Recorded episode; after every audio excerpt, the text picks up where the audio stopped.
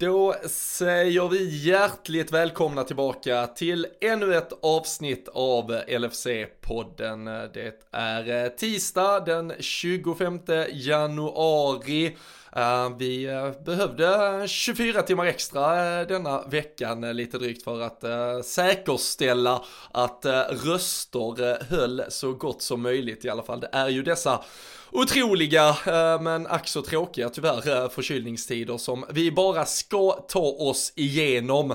Men med lite varmt te och värmande fotbollsspel från från Liverpool så ska vi nog kunna ta oss igenom det. Vi eh, ser såklart också till att som vanligt hålla oss uppdaterade på lfc.se med allt kul som händer.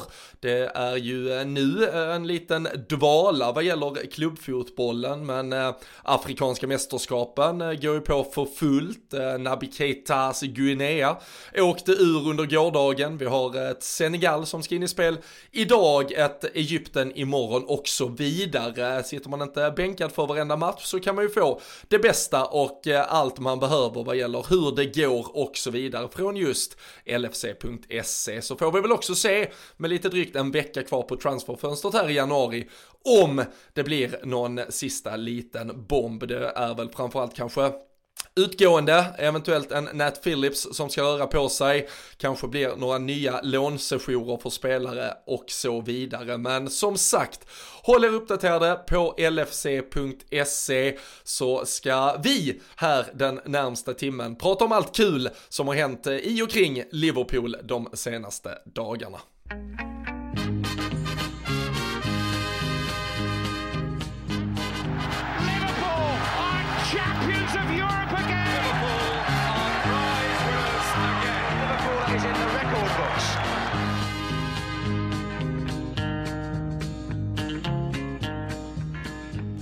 Jajamensan, det är ju exakt det vi ska göra och eh, som alltid en ära att göra det tillsammans med Fredrik Eidefors som eh, förra veckan eh, satt inför att vi skulle spela in Fredrik och sa att ah, det verkar som att jag är fan immun mot den där jävla coronaskiten.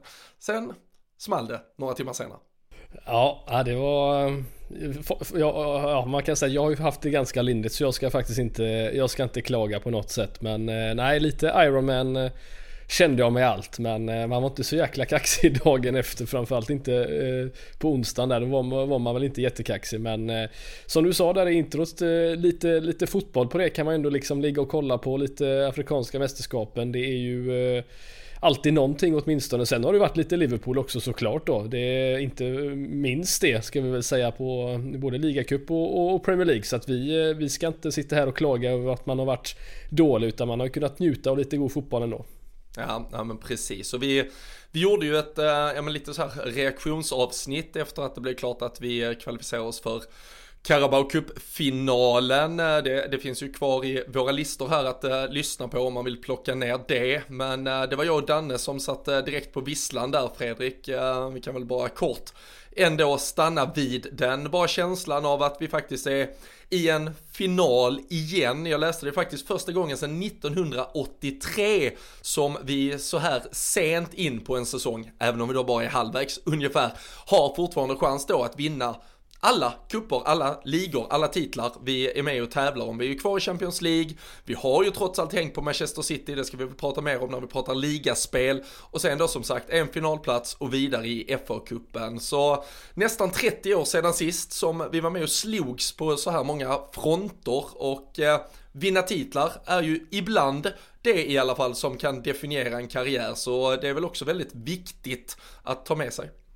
Ja, jo, men det är absolut. Nu var inte jag med er och som du sa då spelar in men det var eh, Vi behöver ju komma in eh, i ett litet flow och spela fler finaler. Jag tycker ju att det här klopplaget har eh, Har ju förtjänat och, och på ändå något sätt Eller förtjänat att spela mer finaler har de gjort också men vinna fler finaler ska vi tillägga. Vi hade ju ligacup mot mot City där som vi tyvärr förlorade och vi, nej men vi, vi har lite mer i oss känner jag. Den här truppen har betydligt mer, mer vinster i sig än, än detta så att eh, kan vi få med oss eh, två stycken titlar den här säsongen hade det ju varit helt fantastiskt. Jag är väl fortfarande lite Premier League skeptisk här men eh, det är klart att eh, Champions League är up for grabs och eh, det är väl egentligen de andra titlarna också egentligen nu och tänker efter framförallt då ligacupen men eh, Nej det är lite för länge sedan men vi har ju haft lite säsonger som du och jag poddat poddat också där det varit Där vi inte ens har varit i närheten av någonting eh, och så nu ska vi bara vara glada att vi faktiskt får sitta och se en sån final igen även om vi har snackat ner den finalen några gånger under de här säsongerna också med tanke på Nej. Citys framgång där också vad det betyder men ja det, det är skönt ändå.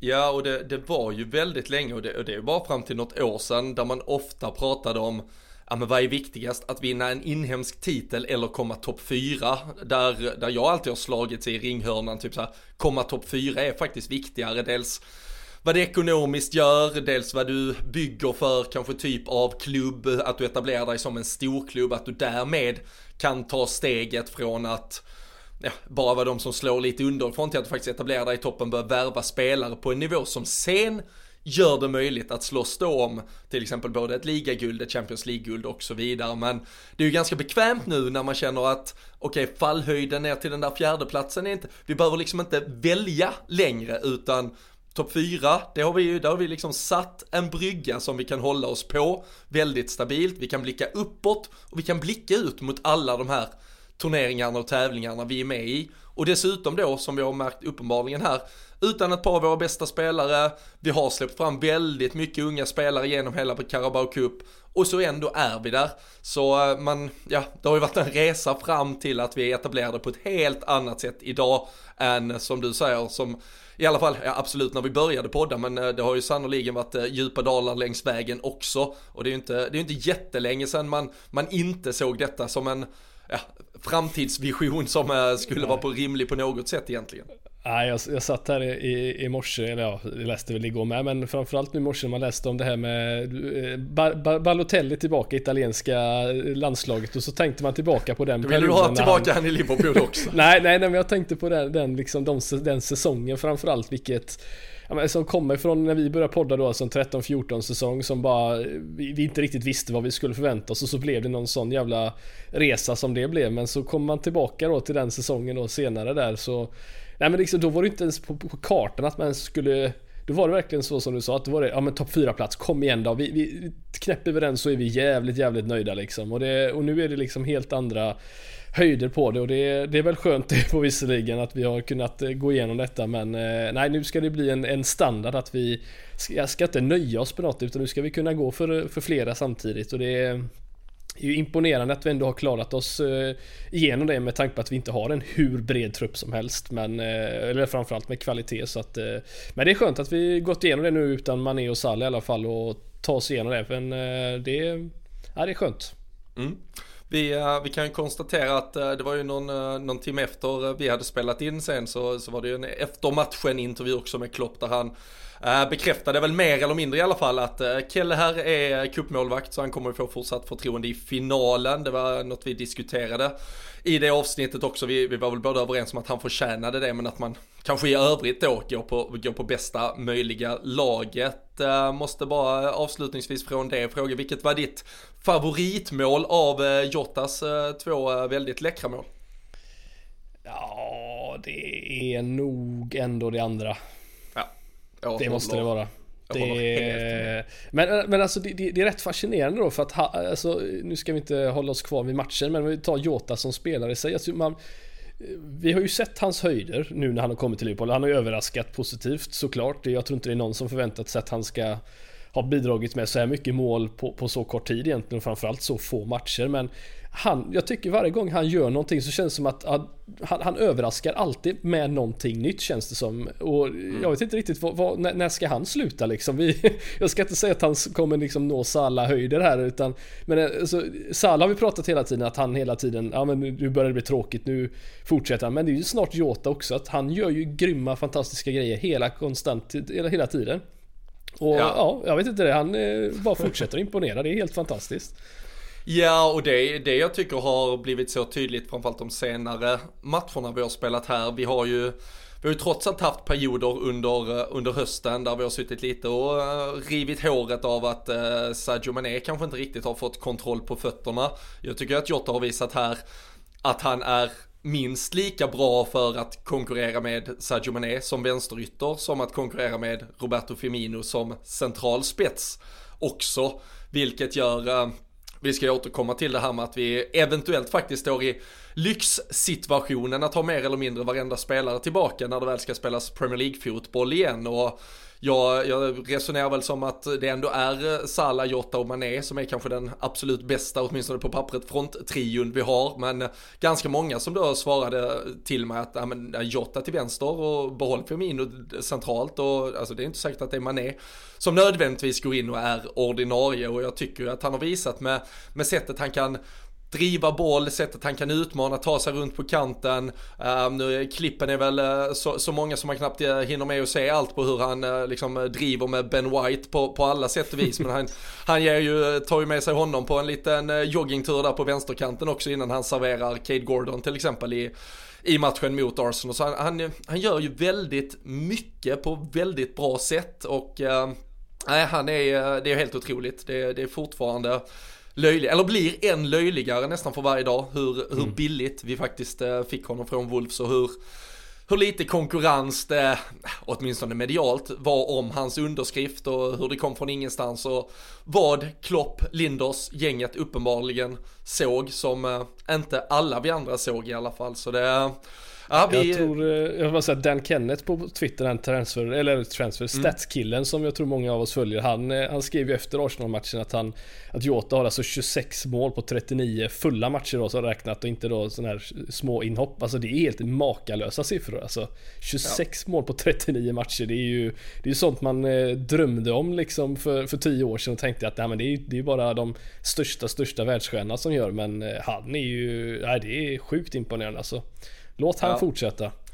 Ja, long may it continue. Uh, vi, uh, ja, det, ska bli skönt att faktiskt diskutera sånt också med vem ska starta och sådär. Nu har det känns bara, är det någon som är frisk, räck upp handen så kastar vi in er i startelvan. Så vi, ja, det blir, lär bli lite fler sådär diskussioner kring startelvan när vi kommer tillbaka sen Fredrik, när det ska börja spelas mm. matcher igen. Det gillar vi, men uh, vi kan konstatera att att eh, det här då eh, lilla eh, breaket där vi har saknat de afrikanska spelarna som har varit iväg på mästerskap har än så länge då inneburit att vi tagit oss vidare i FA-cupen, gått till Carabao Cup-final, vunnit två Premier League-matcher och i och med det dessutom tuggat in två poäng i toppen eller då jakten på Manchester City. Nu ligger vi nio poäng bakom, en match mindre spelad, det är ju Leeds hemma som är en hängmatch match. Man kan ju i eh, de mest positiva världar i alla fall räkna in tre poäng på pappret.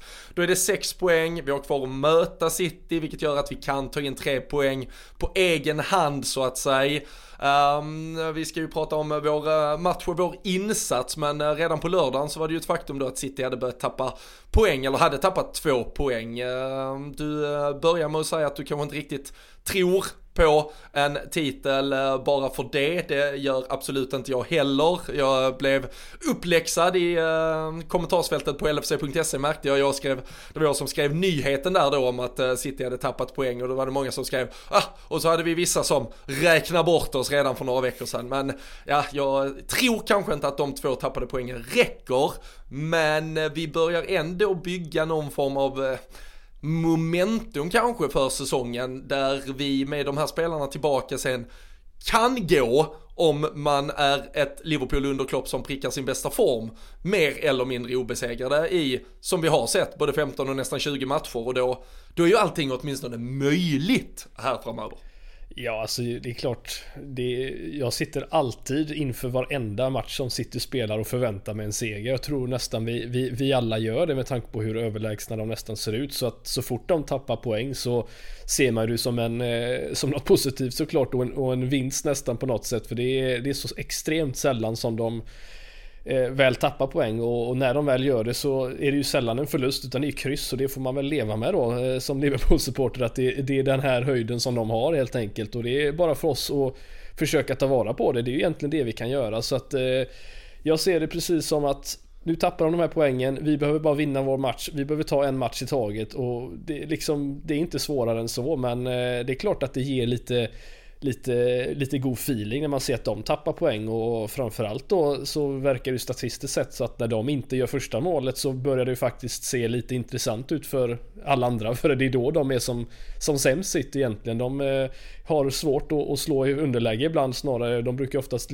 leda sina matcher tidigt ändå så kan man få det lite fler sådana matcher som mot Southampton som står upp ändå bra på det sättet så absolut kan vi drömma lite men eh, då ska det ju till att vi får göra en 90 minuter i, i, flera matcher som, som är betydligt bättre än vad det var mot Crystal Palace exempelvis som vi kommer in på men eh, lite får man väl ändå drömma Robin känner jag. Drömma ska man ju, ska man ju absolut göra. Det, men drömma det, realistiskt ändå för det är alltså, det är, ingen tror att City ska tappa allting men jag menar matcher hit och dit kommer mycket väl kunna hända så att eh, varför inte?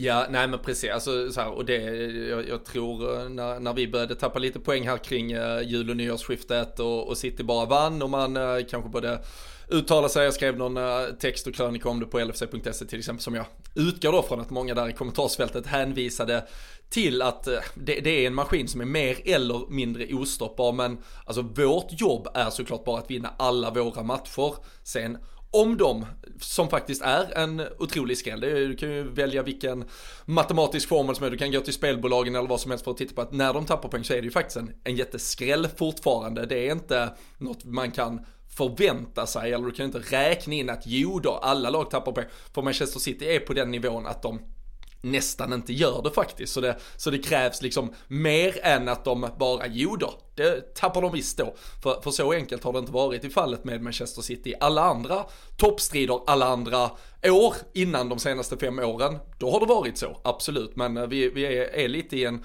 nyskriven fotbollskarta som, eh, som Manchester City och, och som då Liverpool. Det var väl efter eh, matchen innan där tror jag, som, eller mot Chelsea, när City vann med 1-0 som Pep Guardiola uttalade sig om att det som Liverpool har gjort, det som Jürgen Klopp har gjort, det, alltså, de har tillsammans lite, Liverpool och City, skrivit om verkligheten för vad en Premier League-säsong numera är. Och det, det är väl det största berömmet vi kan få, att med de medlen vi har utnyttjat eller använt, vilka är väldigt mycket färre och mindre än Manchester City ändå varit så nära och hela tiden stått beredda. Att eh, liksom vi, vi står med handskarna på och vi kommer slå om vi får chansen. Men vi kan inte räkna med att varje år få chansen mot ett så starkt lag som Manchester City och en sån trupp. Så eh, nej, vi, eh, vi, får, eh, vi ska ånga på, vi ska göra vårt och eh, den som verkligen vill drömma och eh, ja, fantisera om olika drömslut kan ju titta lite i spelschemat och konstatera att om vi då, vi vinner mot Leeds, vi vinner alla våra matcher, vi besegrar City, det skiljer tre poäng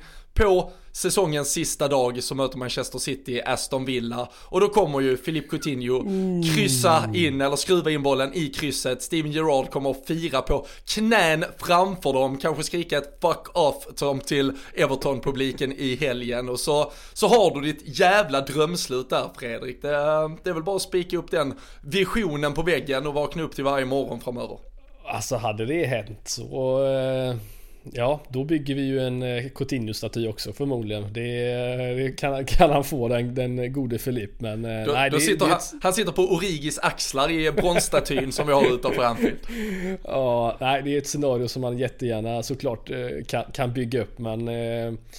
Eh, vi glömde ju också på vägen där som du nämnde att eh, gå rent också. Det, det, det är ju den lilla biten. Det, det är den lilla, lilla, lilla asterisken där då. Att uh, vi, ska, vi ska bara vinna också 15-20 matcher närmsta tiden. Men det, ja. det, får vi lösa. Det får vi lösa. Nej men alltså det är såklart att det är ingen som förväntar sig det. Men som du sa förut, det, det är ju alltså Klopp, om det är något Klopplaget har visat, visat oss under de senaste säsongerna. Det är ju att vi kan gå vi kan inte kanske som City som går på winstreaks på samma sätt för de går ju vinn liksom så 10, 11, 12, 13 matcher liksom i rad utan vi, vi går ju däremot obesegrade rätt många matcher och det, det ger ju någonting åtminstone. Eh, och kan vi bara konvertera några av de kryssen då som det tyvärr då har blivit allt för många den säsongen till vinster istället så eh, ja då, då kanske vi har ett sånt scenario att leka, leka med när det är några veckor kvar till slutet av säsongen. Men eh, tills dess så ja, vinn matcherna först och släpp inte till så jävla många lägen så eh, ja, då kanske det finns en möjlighet. Ja, absolut. Vi, äh, vi, vi, vi drömmer, vi, vi hoppas, vi eh, tar eh, samtidigt både en match och en turnering i taget. För äh, vi är som sagt i äh, ligacupfinal, den väntar om ganska exakt en månad, 27 februari när det här lilla uppehållet vi är inne i nu, det är säkert många som eh, sitter där och tittar i sina eh, tv-matchen eller livescore-appar och tänker vad fan, vad fan tog fotbollsmatcherna vägen i helgen? Jag har ju inte sett Jan Andersson ta ut någon landslagstrupp eller någonting, men det är ju bara då de, eh, ja, utöver det italienska då med tanke på Mario Balotellis återkomst, de ska alltså köra träningsläger bara, landslag, de ska inte spela matcher, det är bara träningscamp då för att förbereda sig inför EM-playoff, eller VM-playoffet som spelas sen i slutet av mars. Men annars så är det ju, eh, vi har eh, landslagsläger för både Asien och för eh, Syd och Nordamerika. Så i vårt fall så är det ju Minamino sticker iväg på lite landslagsuppdrag. Fabinho Allison ska iväg och spela med Brasilien.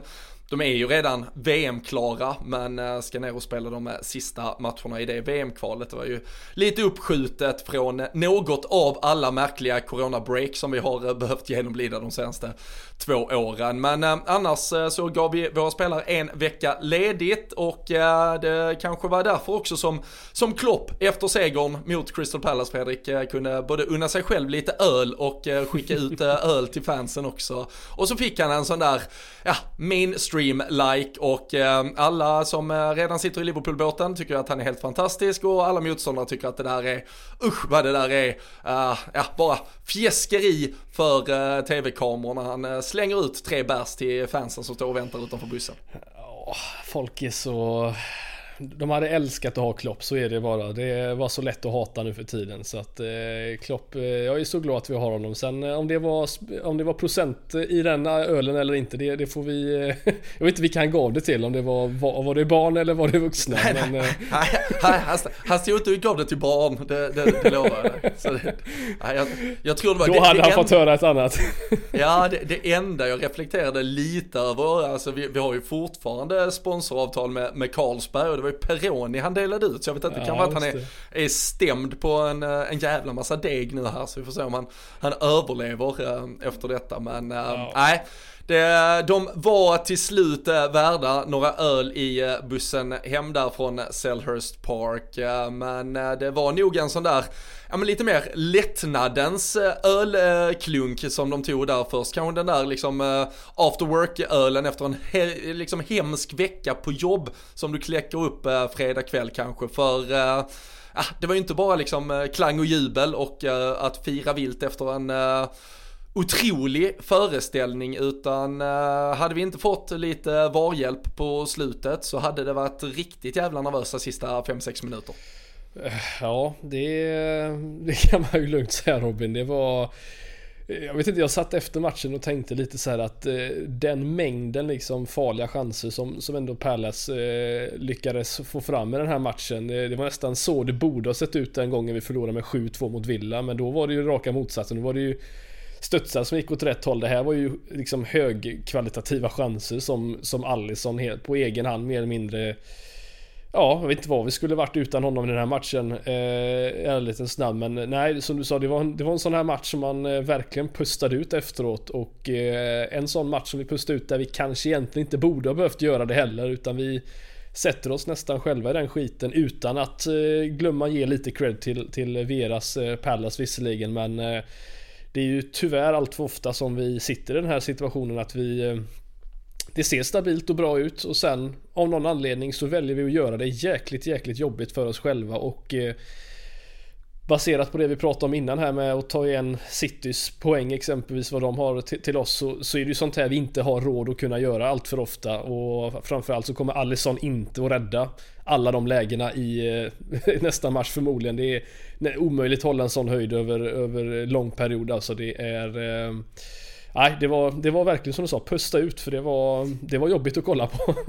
Ja, alltså den svettigaste räddningen av Alisson är väl kanske till och med den som är offside i, i första halvlek. När ja. han uh, kör uh, Det är lite, lite mer din, eh, dina NHL-målvaktsräddningar när han bara kastar ja, upp plockhandsken och, och smäller över bollen. Det måste krävas en del armmuskler för att bara eh, kunna... Min arm hade ju gått av där, det är en sak som är säkert. Ah herregud, den hade ena, eller armen i ena krysset och bollen i andra typ, där han hade smält av. Men Äh, han gör ju en, och jag tycker vi glömmer, hela denna säsongen eh, övergripande generellt så har han ju varit otroligt bra och äh, glöms ofta bort som äh, en eh, riktigt, riktigt äh, vik viktig kugge i, i det här. Jag vet att det blir lite så här varannan månad kommer en sån här match där man där, där det blir så tydligt att han räddar lag, men det händer ju ofta i matcher där han har både en, två och tre riktigt fina räddningar. För ofta är det ju, jag såg, det var inför helgen så äh, fladdrade runt lite statistik på, det var ju någon som hade missuppfattat det här med att det är bra eller dåligt att ha jättemycket räddningar. Men det var någon som då la ut att uh, David de Gea hade,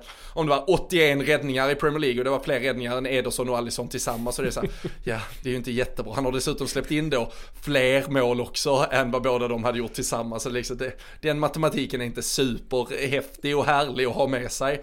Men äh, det man får komma ihåg är ju att speciellt sättet vi spelar på, det var väl eh, om det var när vi satt eh, förra veckan så pratade vi om det här med den offside-ställandet som vi mm. jobbar så otroligt med och som vi uppenbarligen är svinbra på. Men de gångerna vi inte ställer den svinbra offside-linjen så är det ju faktiskt ett friläge som Allison måste, måste rädda. Det är ju inte många lag som etablerar anfall mot oss och sen kommer där ett litet halvdant skott utan nästan alla räddningar Allison gör är ju en mot en räddningar. Så det, det är alltid att han verkligen måste, ja man måste göra en en superräddning. Det är ju inte särskilt mycket där det bara landar skott som han plockar i, i skopan helt enkelt eller där han bara kan plocka ner den för att de har dragit in en lyra utan det är nästan varje gång en mot en lägen och uh, han är helt jävla otroligt bra på det. Uh, hur han läser spelet i den klacken till exempel också som, uh, alltså det finns ju. Han, Ja men han inser ju att det finns bara ett ställe han kan lägga den på, så han ligger ju faktiskt ner nästan innan han, och det måste han göra för det är ju, det är ju en meters avstånd.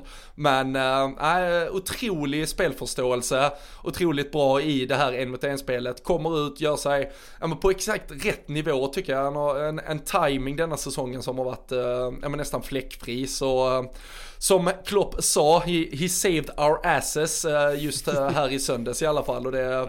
det är väl bara att, jag vet inte, det var, det var nog inte bara en uh, Peroni till honom, det var kanske en dunk rödpang eller något sånt där längst bak i bussen känns det som. Men, Förmodligen. Nej men det är som du det, säger, det är ju en mot en, ett, en mot en spelet den här säsongen har ju varit helt fantastiskt från hans del och Ja, det är väl ganska enkelt att säga att sättet du behöver att, eller möjligheten att, att vinna mot honom en eller mot en, det är att komma två mot en som de gjorde sitt mål, där du kan passa ja. liksom förbi honom. Eh, annars så ska det till faktiskt väldigt mycket för spelaren att kunna få till eh, liksom ett mål för honom. För han är ju framförallt så extremt stor, har sina långa armar och är duktig som du säger då med spelförståelsen. Så kommer du två mot en, då har du en chans. Men annars så har ju nog Allison absolut övertaget mot dig oavsett nästan vem det är som han eh, kommer mot där faktiskt. Och, eh, men ja, nej det var Offside pool återigen som vi nästan får börja kalla oss för att det är Nu var väl han visserligen offside Nu fick inte han passningen direkt då i, i, i, läget där målet blev av men det, det, ser ju extremt konstigt ut. Vi hade det här förra säsongen också där vi i vissa fall då får de ju avsluta och sen så kommer flaggan upp och det ser ut som att vi har liksom 4-5 frilägen mot oss varenda match varav mm. ett kanske då är genuint egentligen och framförallt korrekt i slutändan men eh, det ser, man ser, alltså som supporter sitter man ju med hjärtat i halsgropen varenda gång alltså det är ju Jag tror inte Klopp riktigt Jag, skulle behöva, jag tror vi behöver bjuda in honom och liksom förklara hur jobbigt det är att faktiskt kolla på detta för Han har ju uppenbarligen accepterat den här biten eftersom han fortsätter att det händer liksom. Men eh, vi som sitter här, alltså det är ju skitjobbigt. Det är, jag vet inte riktigt vad jag ska ta vägen under matchen alltså. Nej, och ska, nej, nej, alltså, alltså så är det ju uppenbarligen. Sen, sen finns det då statistiska belägg uppenbarligen för att vi, vi gör det så pass bra. Så att eh, det är väl uppenbarligen en, en vinnande, eller ett vinnande koncept. Och eh, om inte, och det är, det är ju alltid sånt att det, man vill ju gärna att det ska vara helt hundraprocentigt, men i det läget som faktiskt blir målet till exempel så är ju Eduard är ju offside i, i första läget, men så låter han ju bollen gå vidare väldigt, väldigt bra. Då kommer löpningen bakom van Dijks rygg, vilket eh, skapar den eh, situationen som sen leder till målet. Och det, vi, vi släpper ju till de här och jag tycker det, det påminner, hela målet tyckte jag påminner väldigt mycket, även om det på många sätt är ett helt annat mål, men sättet det byggs upp till och sättet man hittar ytan in bakom är lite som i Chelsea-matchen. Eh, mm. Där pratar vi om att eh, Henderson själv skickar upp bollen en, en lyra till Trent och sen är han inte inne i den ytan sen för att helt enkelt stänga ner dem när de kan slå passningen. Här är det väl, det är Matip som är uppe i ryggen. Eh, man kan väl retroaktivt hoppa, eller man hoppades väl lite på att det kunde blivit en frispark mot dem sen som han klättrade rätt rejält på Palace-försvararen, eh, eller Palace-anfallaren där. Men sen så landar den då i den ytan som faktiskt Jordan Henderson återigen ska vara mer aggressiv i. Men eh, då är ingen där och så är det väl Schlupp som kan stå ganska eh, opåverkat helt enkelt och, och, bara lägga ner den. Och eh, när vi då har varit så högt uppe med, med vår backlinje för att vinna den duellen och vinna det duellspelet. Och när vi inte då vinner det och framförallt inte vinner andra bollen sen och får bort bollen där, då blir det ju livsfarligt. Mm. Och eh, Alltså jag förstår, jag, jag tycker också i matcherna att det hade bara varit jävligt mycket skönare, speciellt när vi leder med 2-0. Kan vi, kan vi inte backa av, kan vi inte falla av lite med både backlinje, falla ner lite med mittfältet, vi kan ligga lite mer på rulle framåt. Men om vi nu ska bestämt göra och spela på det här sättet, då krävs det ju alltså 110% i både närvaro och arbetsinställning och kapacitet från mittfältet hela tiden. För de kan aldrig få ta ner en andra boll i den ytan. För då är vi ju alltså supersårbara. Så även om Alltså det är ju backlinjens höga utgångsposition som, som ser ut att skapa de här lägena alltid. Men det är ju mittfältets de få gånger, alltså för återigen, det händer inte jätteofta. Men varje gång det händer att vi inte är hundraprocentiga där, då blir det ju som att Alltså det blir mer eller mindre öppet mål för en spelare att sätta in den bollen bakom och skapa det läget som de gör. Nej men alltså jag, det jag tycker, och nu låter det så konstigt för vi, vi vann den här matchen Robin. Nu sitter vi och pratar bara om negativt. Vi kommer, kom, komma in på, vi kommer komma in på det bra det också. Men, men just, just med den här biten så, så jag skrev det på, på Twitter efter matchen. Jag tycker det här är när, när vi låter matchen eh, ändå liksom hamna i en sån här situation där det blir 50-50 dueller där det blir liksom att man måste kämpa för bollen. Då kan vilket lag som helst vinna en Premier League-match. Då, då, behöver du inte vara liksom topp 6 i, i, ligan för att slå ett Liverpool-lag. Du kan vara längst ner kan du vara och fortfarande liksom göra ett sånt här mål och det kan ju vara avgörande i många fall eh, i slutändan om man inte har en bra dag på jobbet. Och jag tycker vi allt för ofta hamnar i en sån sits där vi måste kämpa, alltså klart att vi ska kämpa men vi hamnar i en, en, situation där det är 50-50 och då kan det mycket väl gå åt andra hållet. Och är man inte på rätt plats då som Henderson i det här fallet eller en Curtis Jones på andra sidan så, så, så, så har de tillräckligt mycket kvalitet motståndarna för att kunna såra oss. Och eh, det blir ju ett uppenbart problem då med tanke på att det är flera gånger som Fabinho inte kan vara på alla ställen. Han är ju uppenbarligen är han ju på många ställen eh, under en match men han kan inte alltid vara på samma ställe hela tiden och då behöver han extremt mycket hjälp och Nej, jag tycker att det är, ett, eh, det, det, det, är ett uppenbart problem vi har just nu att vi hela tiden är ja, tvåa på bollen mer eller mindre när de här duellerna dyker upp och då, då kan det slå till som sagt eh, och framförallt då med den höga backlinjen då är det livsfarligt. Jag, jag tycker ju precis som du nämnde att när man leder med 2-0 och det är Ja. Framförallt att man känner kanske att, att de, ja. alltså Pallas, som du också sa, alltså Pallas är ju bra, det, det är ett Pallas ja, ja, som är spelskickligt nu. Och att leda 2-0 borta, vi vet att City tappade sina poäng. Vi har kanske, vi, dels har vi spelat mycket matcher, vi börjar bli ganska trötta på en, en trupp då som redan är lite sargad. Man kanske ska justera lite i matchplanen bara i alla fall. Mm. jag, jag, jag, tycker inte det är svårt och det, känns, och det är inte heller att gå bort ifrån sin spelplan. Alltså uppenbarligen kan de här spelarna ställa sig lite lägre. Det har vi ju sett. Förra säsongen var det ju ett helt annat försvarsspel i vissa matcher och det var det, det finns ju uppenbarligen möjlighet att kunna göra det men eh, när det blir sådana här fall så tycker jag att varningsflaggan eh, ganska tidigt flaggades och eh, det fortsatte ju som sagt i andra halvlek där med och kunde mycket väl ha och borde ha blivit ett, nästan ett kryss i den här matchen än, än någonting annat och vi ska vara glada som sagt att vi hade alldeles den här matchen men är det lite mer skärpa bland motståndarna nästa match exempelvis eller en Allison som kanske inte räddar varenda skott då, då är det ett kryss eller förlust den här matchen och då kan vi ju glömma den här Coutinho situationen som vi drömde om i slutet. Då, då är inte ens den på kartan längre utan då, ja, då, då blir det ingen, ingen staty på Origis axlar utan då, då blir det något helt annat. Då får, vi, då får vi även lita till att uh, den nya drömduon i Newcastle, John Joe Shelby och Xavi Manquillo, uh, kombinerar sig fram till att uh, sänka City också någon gång här i, i vår. Så. Eller har, har de Watford kvar att spela City eller? Så kanske Roy Hodgson kan hjälpa oss på traven också herregud ja, mäktiga jävla Roy. Ha, ha, har de en Watford-podd här i Sverige? För det har varit kul att liksom lyssna på den någon gång och höra vad... Jag menar, vi, vi sitter ju och pratar om offside-följer. De måste ju, de måste ju lära sig nya tränarnamn var, liksom var femte vecka mer eller mindre. Det är ju jag, jag det tänker, är ju helt sjukt. Jag, jag, tänker att den borde ligga som någon liten dotterpodd till Arbetsförmedlingen kanske. Eller något sånt. Ja just det, så här, har, har, vi, har, du, har du också lyssnat på den här podden? Har vi några lediga jobb i Watford-podden kanske? Ja, den här jo, podden kan dags. intressera dig om du söker jobb. Ja, ja herregud. Nu, nu har de ju dessutom hittat då eh, sin, eh, sin nya här, eh, om vi bara tar sidospår. Det, det är ju att de alltså, de anställer ju tränare som är fler år gamla än dagar de kommer få stanna på jobb. Alltså, det är så 70 plussar, jag vet inte om det finns någon så här, kanske så här veteranpoolen där man hyr in dem bara på tre månaders gig eller så, så slipper man betala full lön kanske. Finns, Ja, det är ja, spännande men äh, fan det, det, är ändå lite kul med Roy tillbaka. Om, äh, ja det är det absolut. Ja. När, när det... vi sitter här så är det ju bara, det, det, är de första uppgifterna från Atletic här att det ser ut att bli så i alla fall. Inget ja. bekräftat än men äh, det, det, tror vi på, baserat på det. Ja, vilken, då ska vi vara glada att vi bara sitter och pratar om offsidefällor här för det hade ju varit betydligt tråkigare att prata om och byta tränare i den här podden faktiskt. För det vill vi ju inte göra i första laget. Det, det är ju det sista vi vill göra just nu. Ja, jag tror det var, kan det ha varit 14 eh, eller 15 tränare på samma period ja, som vi har haft Klopp eller något ja, eller ja. 11 tränare. Men det var väl någon som skrev att var det Watford hade väl, hade inte de eh, under tiden som eh, Sean Dyche har varit i, i Burnley så, jo, så suttit tio år var det va? De, de, de, spark, de sparkar ja. ju Dyche för att de inte riktigt trodde på honom. Sen dess har han då haft Burnley i tio år utan att få kicken därifrån. Och de har bytt och 13 tränare. ja, något sånt. ja, ja ah, det är underbart. Ja, men det är till ah. en annan podd, så är det. det var, så, men vi hade mycket positiva saker att säga i den här podden också sa vi va? Eh, ja, om den här matchen.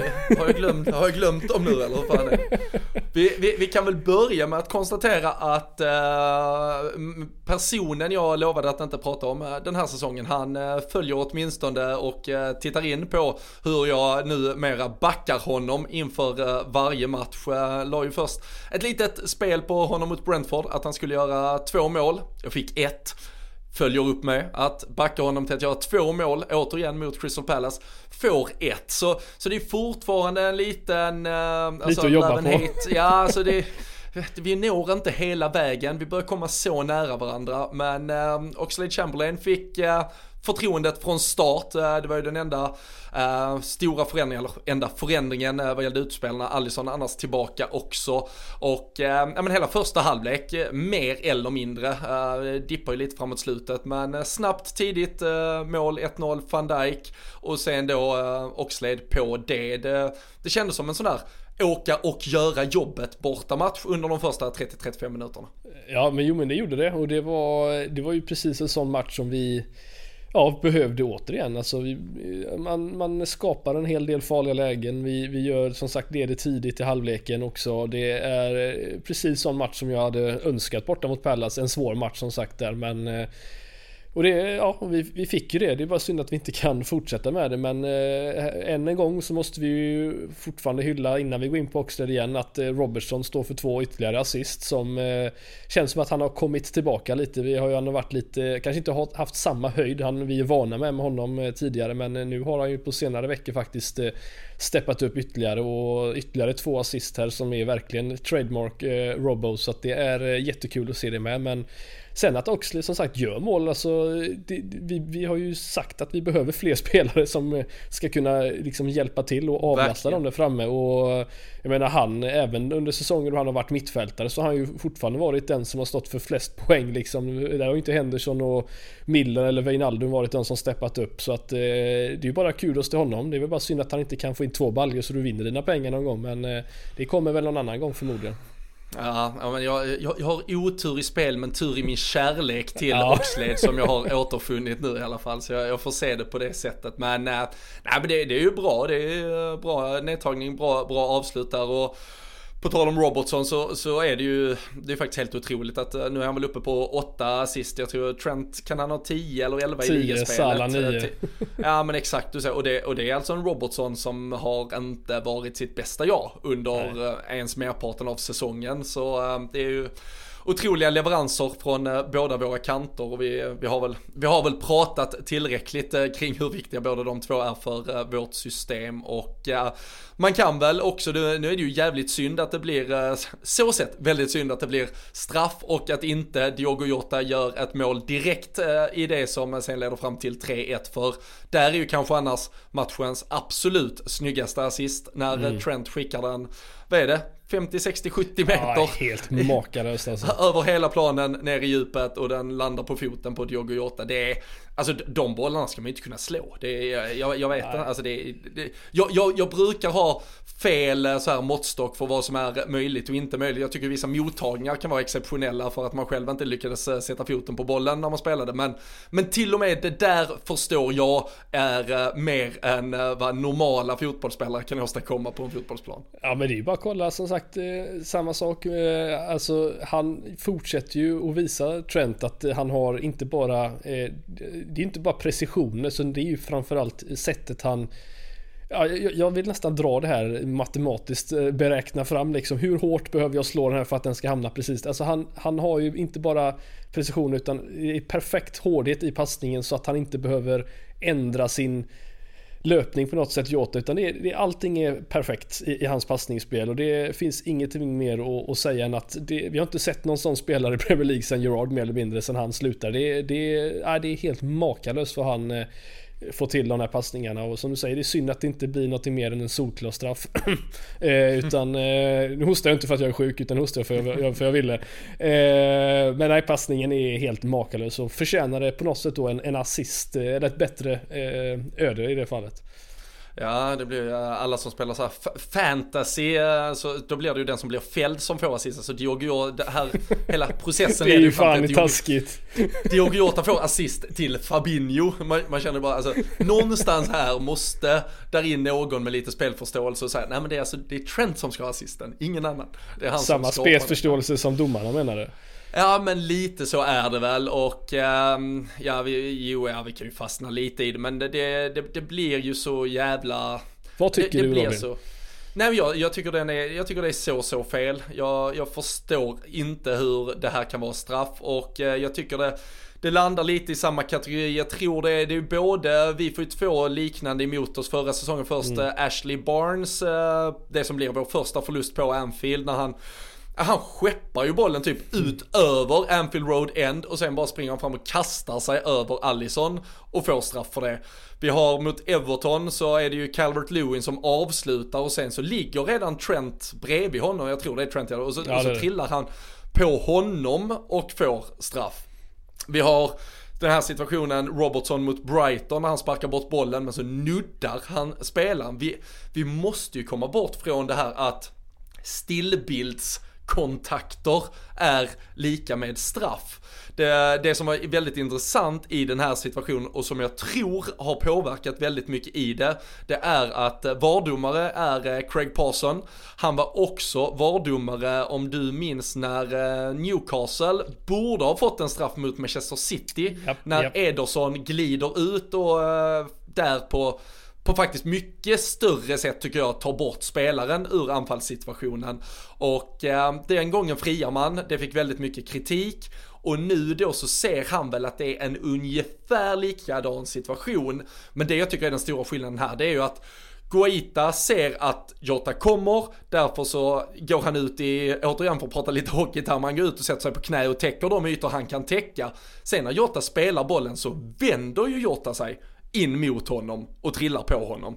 Därmed har ju inte egentligen Guita stoppat någon löpväg eller tagit upp någon yta där Jota vill spela boll på, utan där han sitter finns det ingen chans att nå bollen eller få Jota att springa vidare och åstadkomma någonting, utan han är ju bara på en plats som han lite har valt, han är först in i den situationen och sen kommer Jota, så nej jag tycker det är helt, helt fel och jag tycker att det blir eh, jättefel att man sitter till, alltså, det, alltså du kan inte, vi kan inte hela tiden landa i att man ska kunna motivera domslut med att, ja men han är ju på honom. Ja men alltså, mm. ja det är klart han är på honom. Jag tycker eh, till exempel Thiago Silva, nu, nu är det ju för att han är smart och rutinerad så in i helvete, som när han bara slänger sig 28 meter när Harry Kane, som jag ändå hatar, men som jag nu kan försvara lite, när han sätter upp handen bara i, i ryggen lite för att hålla ytan och sen så får han bollen och vänder, men Thiago Silva flyger iväg. Ja alltså han nuddade honom, men, men är det det vi är nere på fotbollsmässigt, att, att touchar automatiskt betyder frispark emot eller straff för och så vidare. Så det, nej, jag, men, och jag, och jag orkar inte och, uh, nej, det, Ja, det, men, det, men det är så dåligt, alltså jag vet ju att de är så dåliga så jag, jag orkar inte bry mig egentligen. Alltså, alltså jag, men det, det, går inte att bry sig längre. De, de är, ju, de är ju horribla liksom. Det, nej. Ja, nej det, det, är verkligen horribelt och jag, jag håller med. Sen eh, det som, som stör mig mest av allt är ju att folk får det ju tro, prata som att det stod 1-1 vid tidpunkten när, här, när den här straffen skedde. Jag menar visst, det fanns minuter kvar att spela men vi ledde matchen. Jag förstår inte varför folk ska säga liksom att ja, det var visst, det var spiken i kistan 100% men det var inte så att den avgjorde matchen på något sätt och det, det ska vi faktiskt inte glömma av att påpeka för det var mm, Jag nej, vet att Vera var lite miss, missnöjd efteråt och sa att domarna dödade matchen för oss. Ja, det var att vi hade en målvakt som räddade varenda jävla läge ni hade som dödade matchen för er. Det var ingenting annat och att vi gjorde ett mer mål än vad jag gjorde innan den här straffen så att det Nej, det är, eh, jag håller med dig. Det är, kvalitet, det är spelförståelsen som, eh, som vår gode vän Bojan pratar om i studion. Det är ju den som är det största problemet och när, så länge samma människor springer runt och dömer och sitter i, i var, stu, var eh, lastbilar och, och, och, studios och gör de här grejerna så kommer det aldrig att, att lösa sig i slutändan. Man behöver nytt folk för att det ska kunna bli bättre och det är det är ju inte jättelätt att bara hitta nya domare här och var. Det är, Nej, så är det, men, alltså men det... det är ju det som behöver hända. De, de kan ju inte vara kvar. Alltså det är helt uruselt vad, och då sitter vi, kan vi ändå, för jag håller med dig, det, det, är inte, det ska aldrig vara straff i en sån här situation. För det är inte lika med straff bara för att du nuddar någon. Det är, men det har ju blivit så tyvärr och det är mm. fruktansvärt tråkigt det, att kolla på. Det jag tycker är lite skönt, alltså jag hade gärna sluppit alla diskussioner eh, fullständigt, men det jag tycker har varit lite skönt det här året, eller den här säsongen ändå, är att jag tycker vi har diskuterat mindre VAR som fenomen och även från, jag, jag tycker vi supportrar kanske var, var tidigare med att diskutera domarna istället för VAR om vi säger så, men jag tycker även att man från journalisters håll och, och framförallt från engelsk media på ett helt annat sätt diskuterar just domarnivån, inte att vi har hjälpmedel som hjälper oss att till exempel få rätt på offside-linjer eller att kunna se om det, ah det där var ju dubbar i, i bröstkorgen liksom, utan eh, de, de redskap vi nu har, de börjar ju ändå falla mer och mer på plats. Problemet är fortfarande då att vi, ja, har helt fel personer till att hantera dem. Och det, jag tycker också att man märker mycket mer på hur hur det låter från, eh, från då ändå förhållandevis lite mer inflytelserika personer än, än eh, dig och mig, även om vi gör vårt bästa härifrån Fredrik. Vad menar du med det? Att, eh, att kanske få till förändringar och att det lyfts fram att Mike Riley som sitter och, och styr det lilla domargänget där borta på öarna, att det Ja, det är för dåligt. Det är, det är ett jävla pissgäng han har samlat ihop och de, de kan inte sitt, eh, sitt jobb tillräckligt bra. De får inga stora matcher internationellt. De, eh, de, är ett ganska litet gäng som uppenbarligen måste, om, om alla jävla lag har gått på knäna på grund av coronapandemin och det har varit sjukdomar hit och dit. Det här jävla gänget, de, de är ju aktiva minst lika ofta, mer eller mindre, och de, de klarar ju inte det längre. Och de, de, är inte tillräckligt bra, så de, de måste ju bytas ut. Och det kan inte heller vara rät linje mot att du har gjort 10, 15, 20 dåliga år i Premier League och sen går du rakt in och sätter dig i bussen där och liksom ska vara den som bestämmer vad som händer framför skärmarna istället. Utan när, alltså när du är färdig är du färdig och uppenbarligen så har du inte hängt med i fotbollsutvecklingen och då ska du inte sitta med och bestämma längre heller. Så jag, jag hoppas eh, att eh, den här lite nya eh, diskussionsandan kring detta kan få till förändring längre fram. Så vi, ja, det är väl det enda vi kan hoppas på. Sen tycker jag ju samtidigt också som du alltså, vi, vi hade antagligen vunnit matchen ändå. Det hade varit tuffa, svettiga minuter, men vi brukar vara ganska bra på att försvara dem, för då hade vi kanske ändå blivit lite, lite djupare än vad vi hade varit tidigare och sen så Kanske där finns en, eh, en liten, liten eh, kreditlina på karmakontot att eh, använda med tanke på alla jävla millimeter av sig. Jag skrev ihop lite statistik för det på lfc.se igår också. Kring att förra säsongen så landade vi väl på ett netto minus 6 eller minus 7, nu tror jag vi är på, på minus eller plus 2 istället för den här säsongen. Vi fick alltså inte en enda straff med oss förra säsongen. Vi fick alla mål, det var sju målsituationer som granskades på var. Alla dömdes bort under förra säsongen eh, på, på millimetrar och på olika andra eh, invändningar. Vi fick straffar emot oss och så vidare. Så att, eh, att det börjar bli eh, lite jämnare i den vågskålen känns väl kanske ändå lite schysst. Och det är väl den typen av marginaler man behöver med sig. Förra säsongen var ju verkligen en shitshow på alla sätt och vis när Skador hopade sig, uh, tomma läktare, var uh, fullständigt uh, imploderade och ja, det, vi, vi, har ju någonstans gått mot något lite bättre men som sagt det är de här idiotiska domarna som är kvar tyvärr.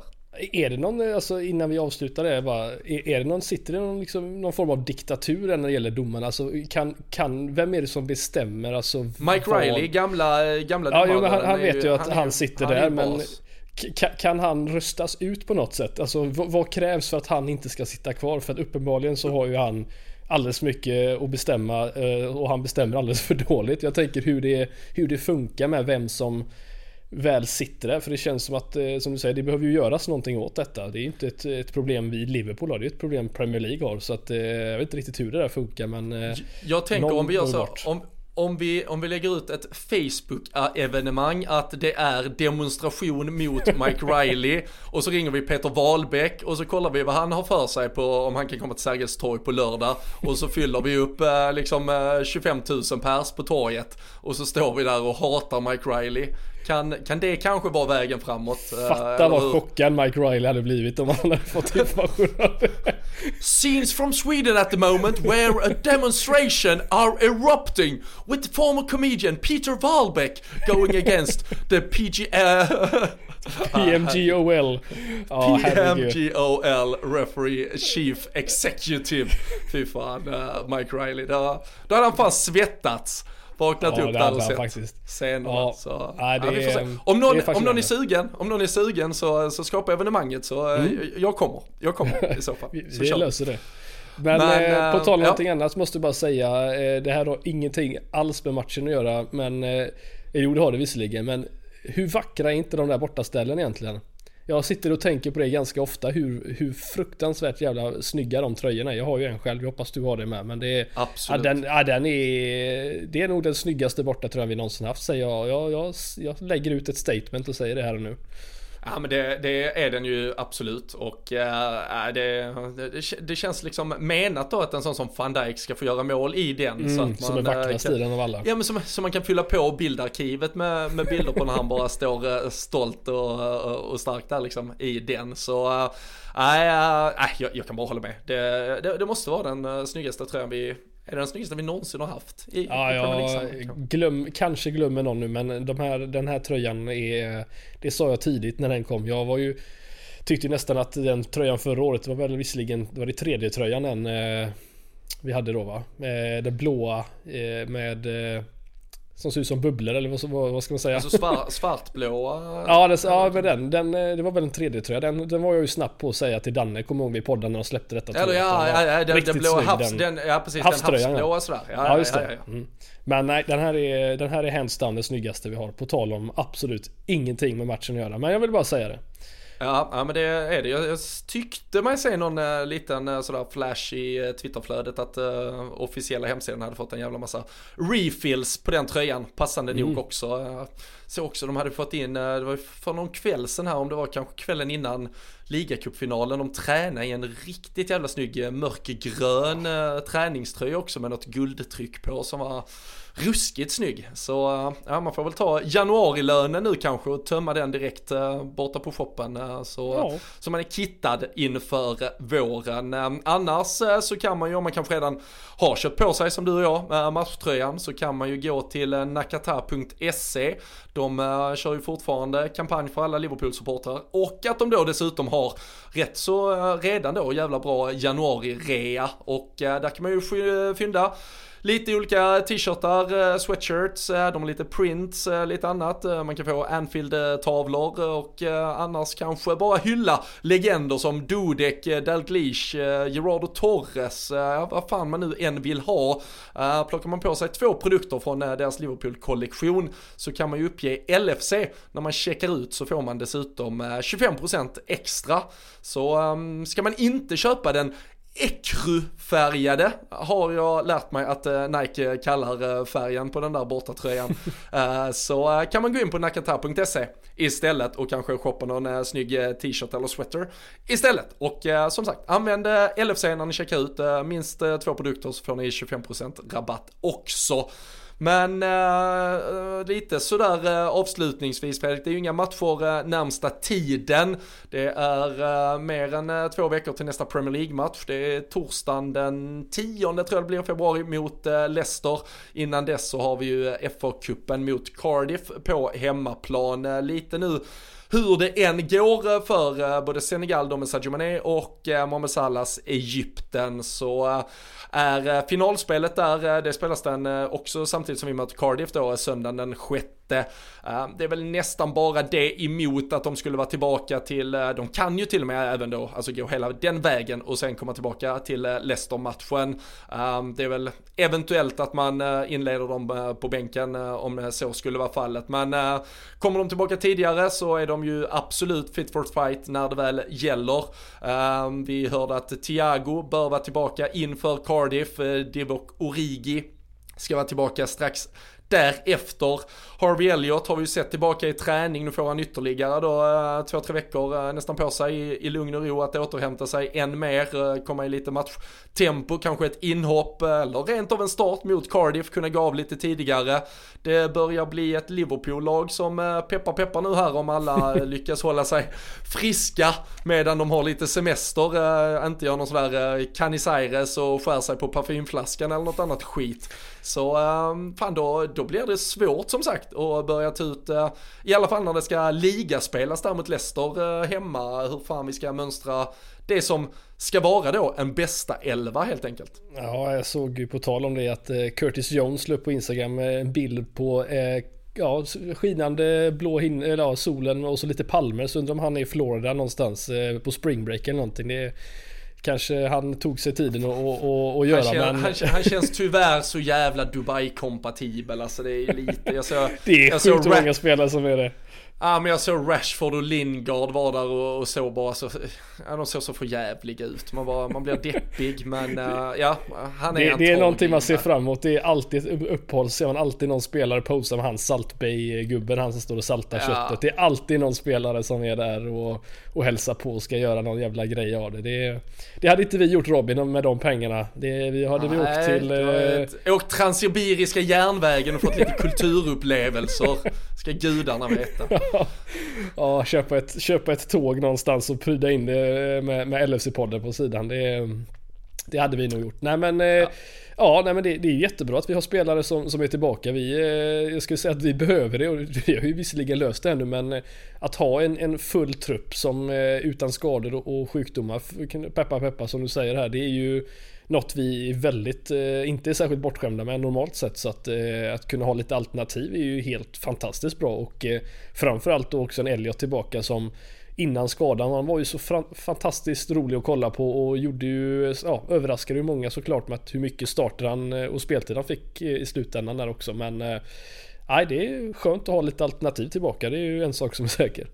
Mm. Hur, eh, nu har vi ju väldigt eh, långt fram till, eh, till nästa match. Men om det hade varit Premier League-match imorgon med alla spelare hundraprocentigt friska, hur hade Fredrik Eidefors ställt upp ett Liverpool-lag i så fall? Oh, jag hade ställt upp eh, Adrian i mål, nej. Eh, Alisson, Trent, eh, Van Dijk, Matip, Trent. Sen har vi Fabinho, Thiago och Keita. Och så eh, blir det nog Mané, Salah och eh, Jota. Ja, Keita går och så kör du Trent på två positioner också. Det var eh, extra imponerande. Vad sa jag Trent? Två positioner? Två. Jag, jag, tror, jag tror, eller så är det jag som Högerback ska han vara, högerback ska han vara. ja, ja, ja, misstänkte det också. Jag tror ja. man behöver. Ja, jag var lite Men... såhär, Konate, Matip, Matip har sett de senaste matcherna tycker han har sett inte mm. ut som sig själv. Så att, jag, jag var lite såhär, Konate. Ja men jag, jag tittade, jag ramlade över lite statistik på det. Han har alltså denna säsongen har han redan spelat fler minuter än vad han hade gjort på två säsonger inför. Uh, han har ju varit otroligt skadebenägen så om det kan vara lite klassisk mm. fatik här att han, han behövde vila och det var ju, var ju väldigt oklart där efter eh, Arsenal-matchen varför han gick av i paus, eh, lite känningar, lite osäkerhet kring status och sådär och sen var ju ändå tillbaka i startelvan och, och vi vet ju att uh, man brukar behöva packa in han i uh, bubbelplast och all form av uh, värdering som, som går för att hålla honom skadefri. Så vi lever ju kanske på lånad tid redan. Så nej, det, vi, vi, får se vad som händer där. Men jag håller med dig, det är lite osäkrare har det varit de senaste veckorna, eller senaste veckorna, senaste matcherna bara egentligen. Så vi vi hoppas väl ändå att han kommer tillbaka. Jag tycker han har varit eh, så otroligt bra hela hösten och, mm. och fram till för bara någon vecka sedan. Så uh, vi, uh, vi ska nog kunna få ut det bästa av Joel Matip igen. Och då, då tycker jag ju att backlinjen ger sig självt. Allison i mål, absolut. jag tycker väl att det är också Jota Mané och Salah längst fram som ändå är the, the go-to inledningsvis. Och sen så är väl jag lite mer, jag tycker att Harvey Elliot ska in i, i startelvan. Uh, sen är ju allt uh, relativt och man får uh, se i förhållande till hur han är och kommer han tillbaka till den höga nivån han höll inledningsvis. Men jag, jag tyckte han var så jävla bra mm.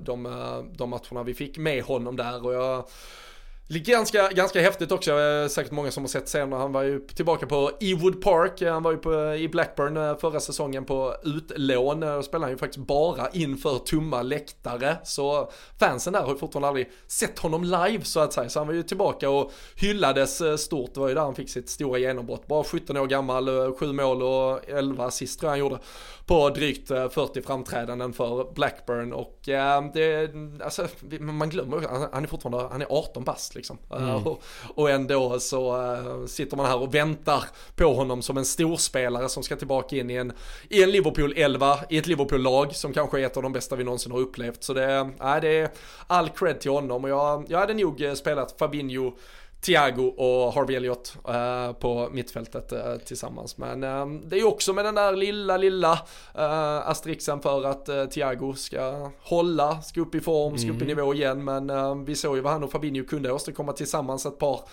Ja, eller vi fick ju faktiskt, för en gångs skull fick vi ändå en, en liten så här run av matcher de två tillsammans för ett par månader sedan och då var de ju riktigt, riktigt bra. Så ja, det blir intressant huvudbry för Klopp och kan ju till och med behöva sätta någon ganska etablerad spelare på läktaren för det måste vara typ första gången någonsin ja. i, i alla fall under Klopps år i klubben som det skulle kunna bli fallet. Så det är spännande tider som väntar Fredrik. Ja men så är det och då är det ändå skönt att vi inte behöver sitta här och prata transfers dessutom för det gör man ju normalt sett alltid under den här månaden men det kan vi ju nu säga med en 5-6 dagar kvar om månaden ungefär att eh, det kommer nog inte bli några in-transfers den här januarifönstret utan det kommer eh, få vänta till sommaren och det känns ändå skönt att inte behöva sitta och prata så jäkla mycket om det utan eh, få tillbaka alla friska och, och, och krya så, eh, så kör vi helt enkelt. Like a new signing vet du. Vi har dem snart tillbaka. Så ja. ja vi får se.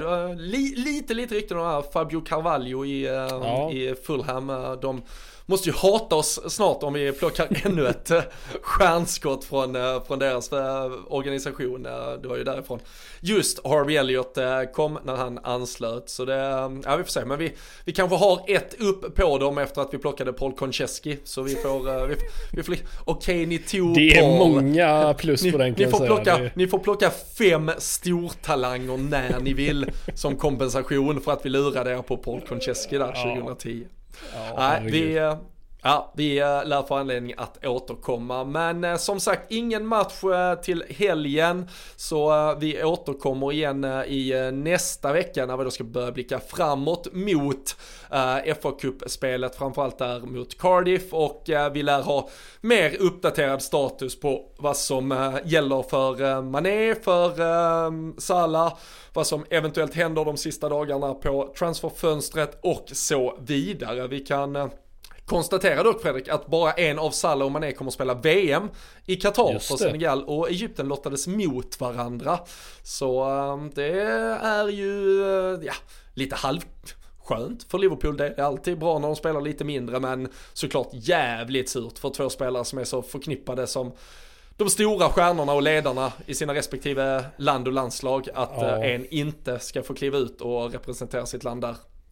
Det känns ju som att eh, om, om, man får välja eh, objektivt, alltså, om, eller om de får välja där borta i Qatar så ser de ju nog jättegärna en, en Salah springa där på, på planerna och eh, spela ja, alltså, boll. Ja. Eh, alltså, det gör de. Jag, jag, jag satt och tittade, förlåt, men det var för när det kom den här eh, det bästa omröstningen som, eh, som Fifa hade. Mm. Alltså alla Gulfstaterna, Qatar, Förenade Arabien, alla hade ju Salah som etta.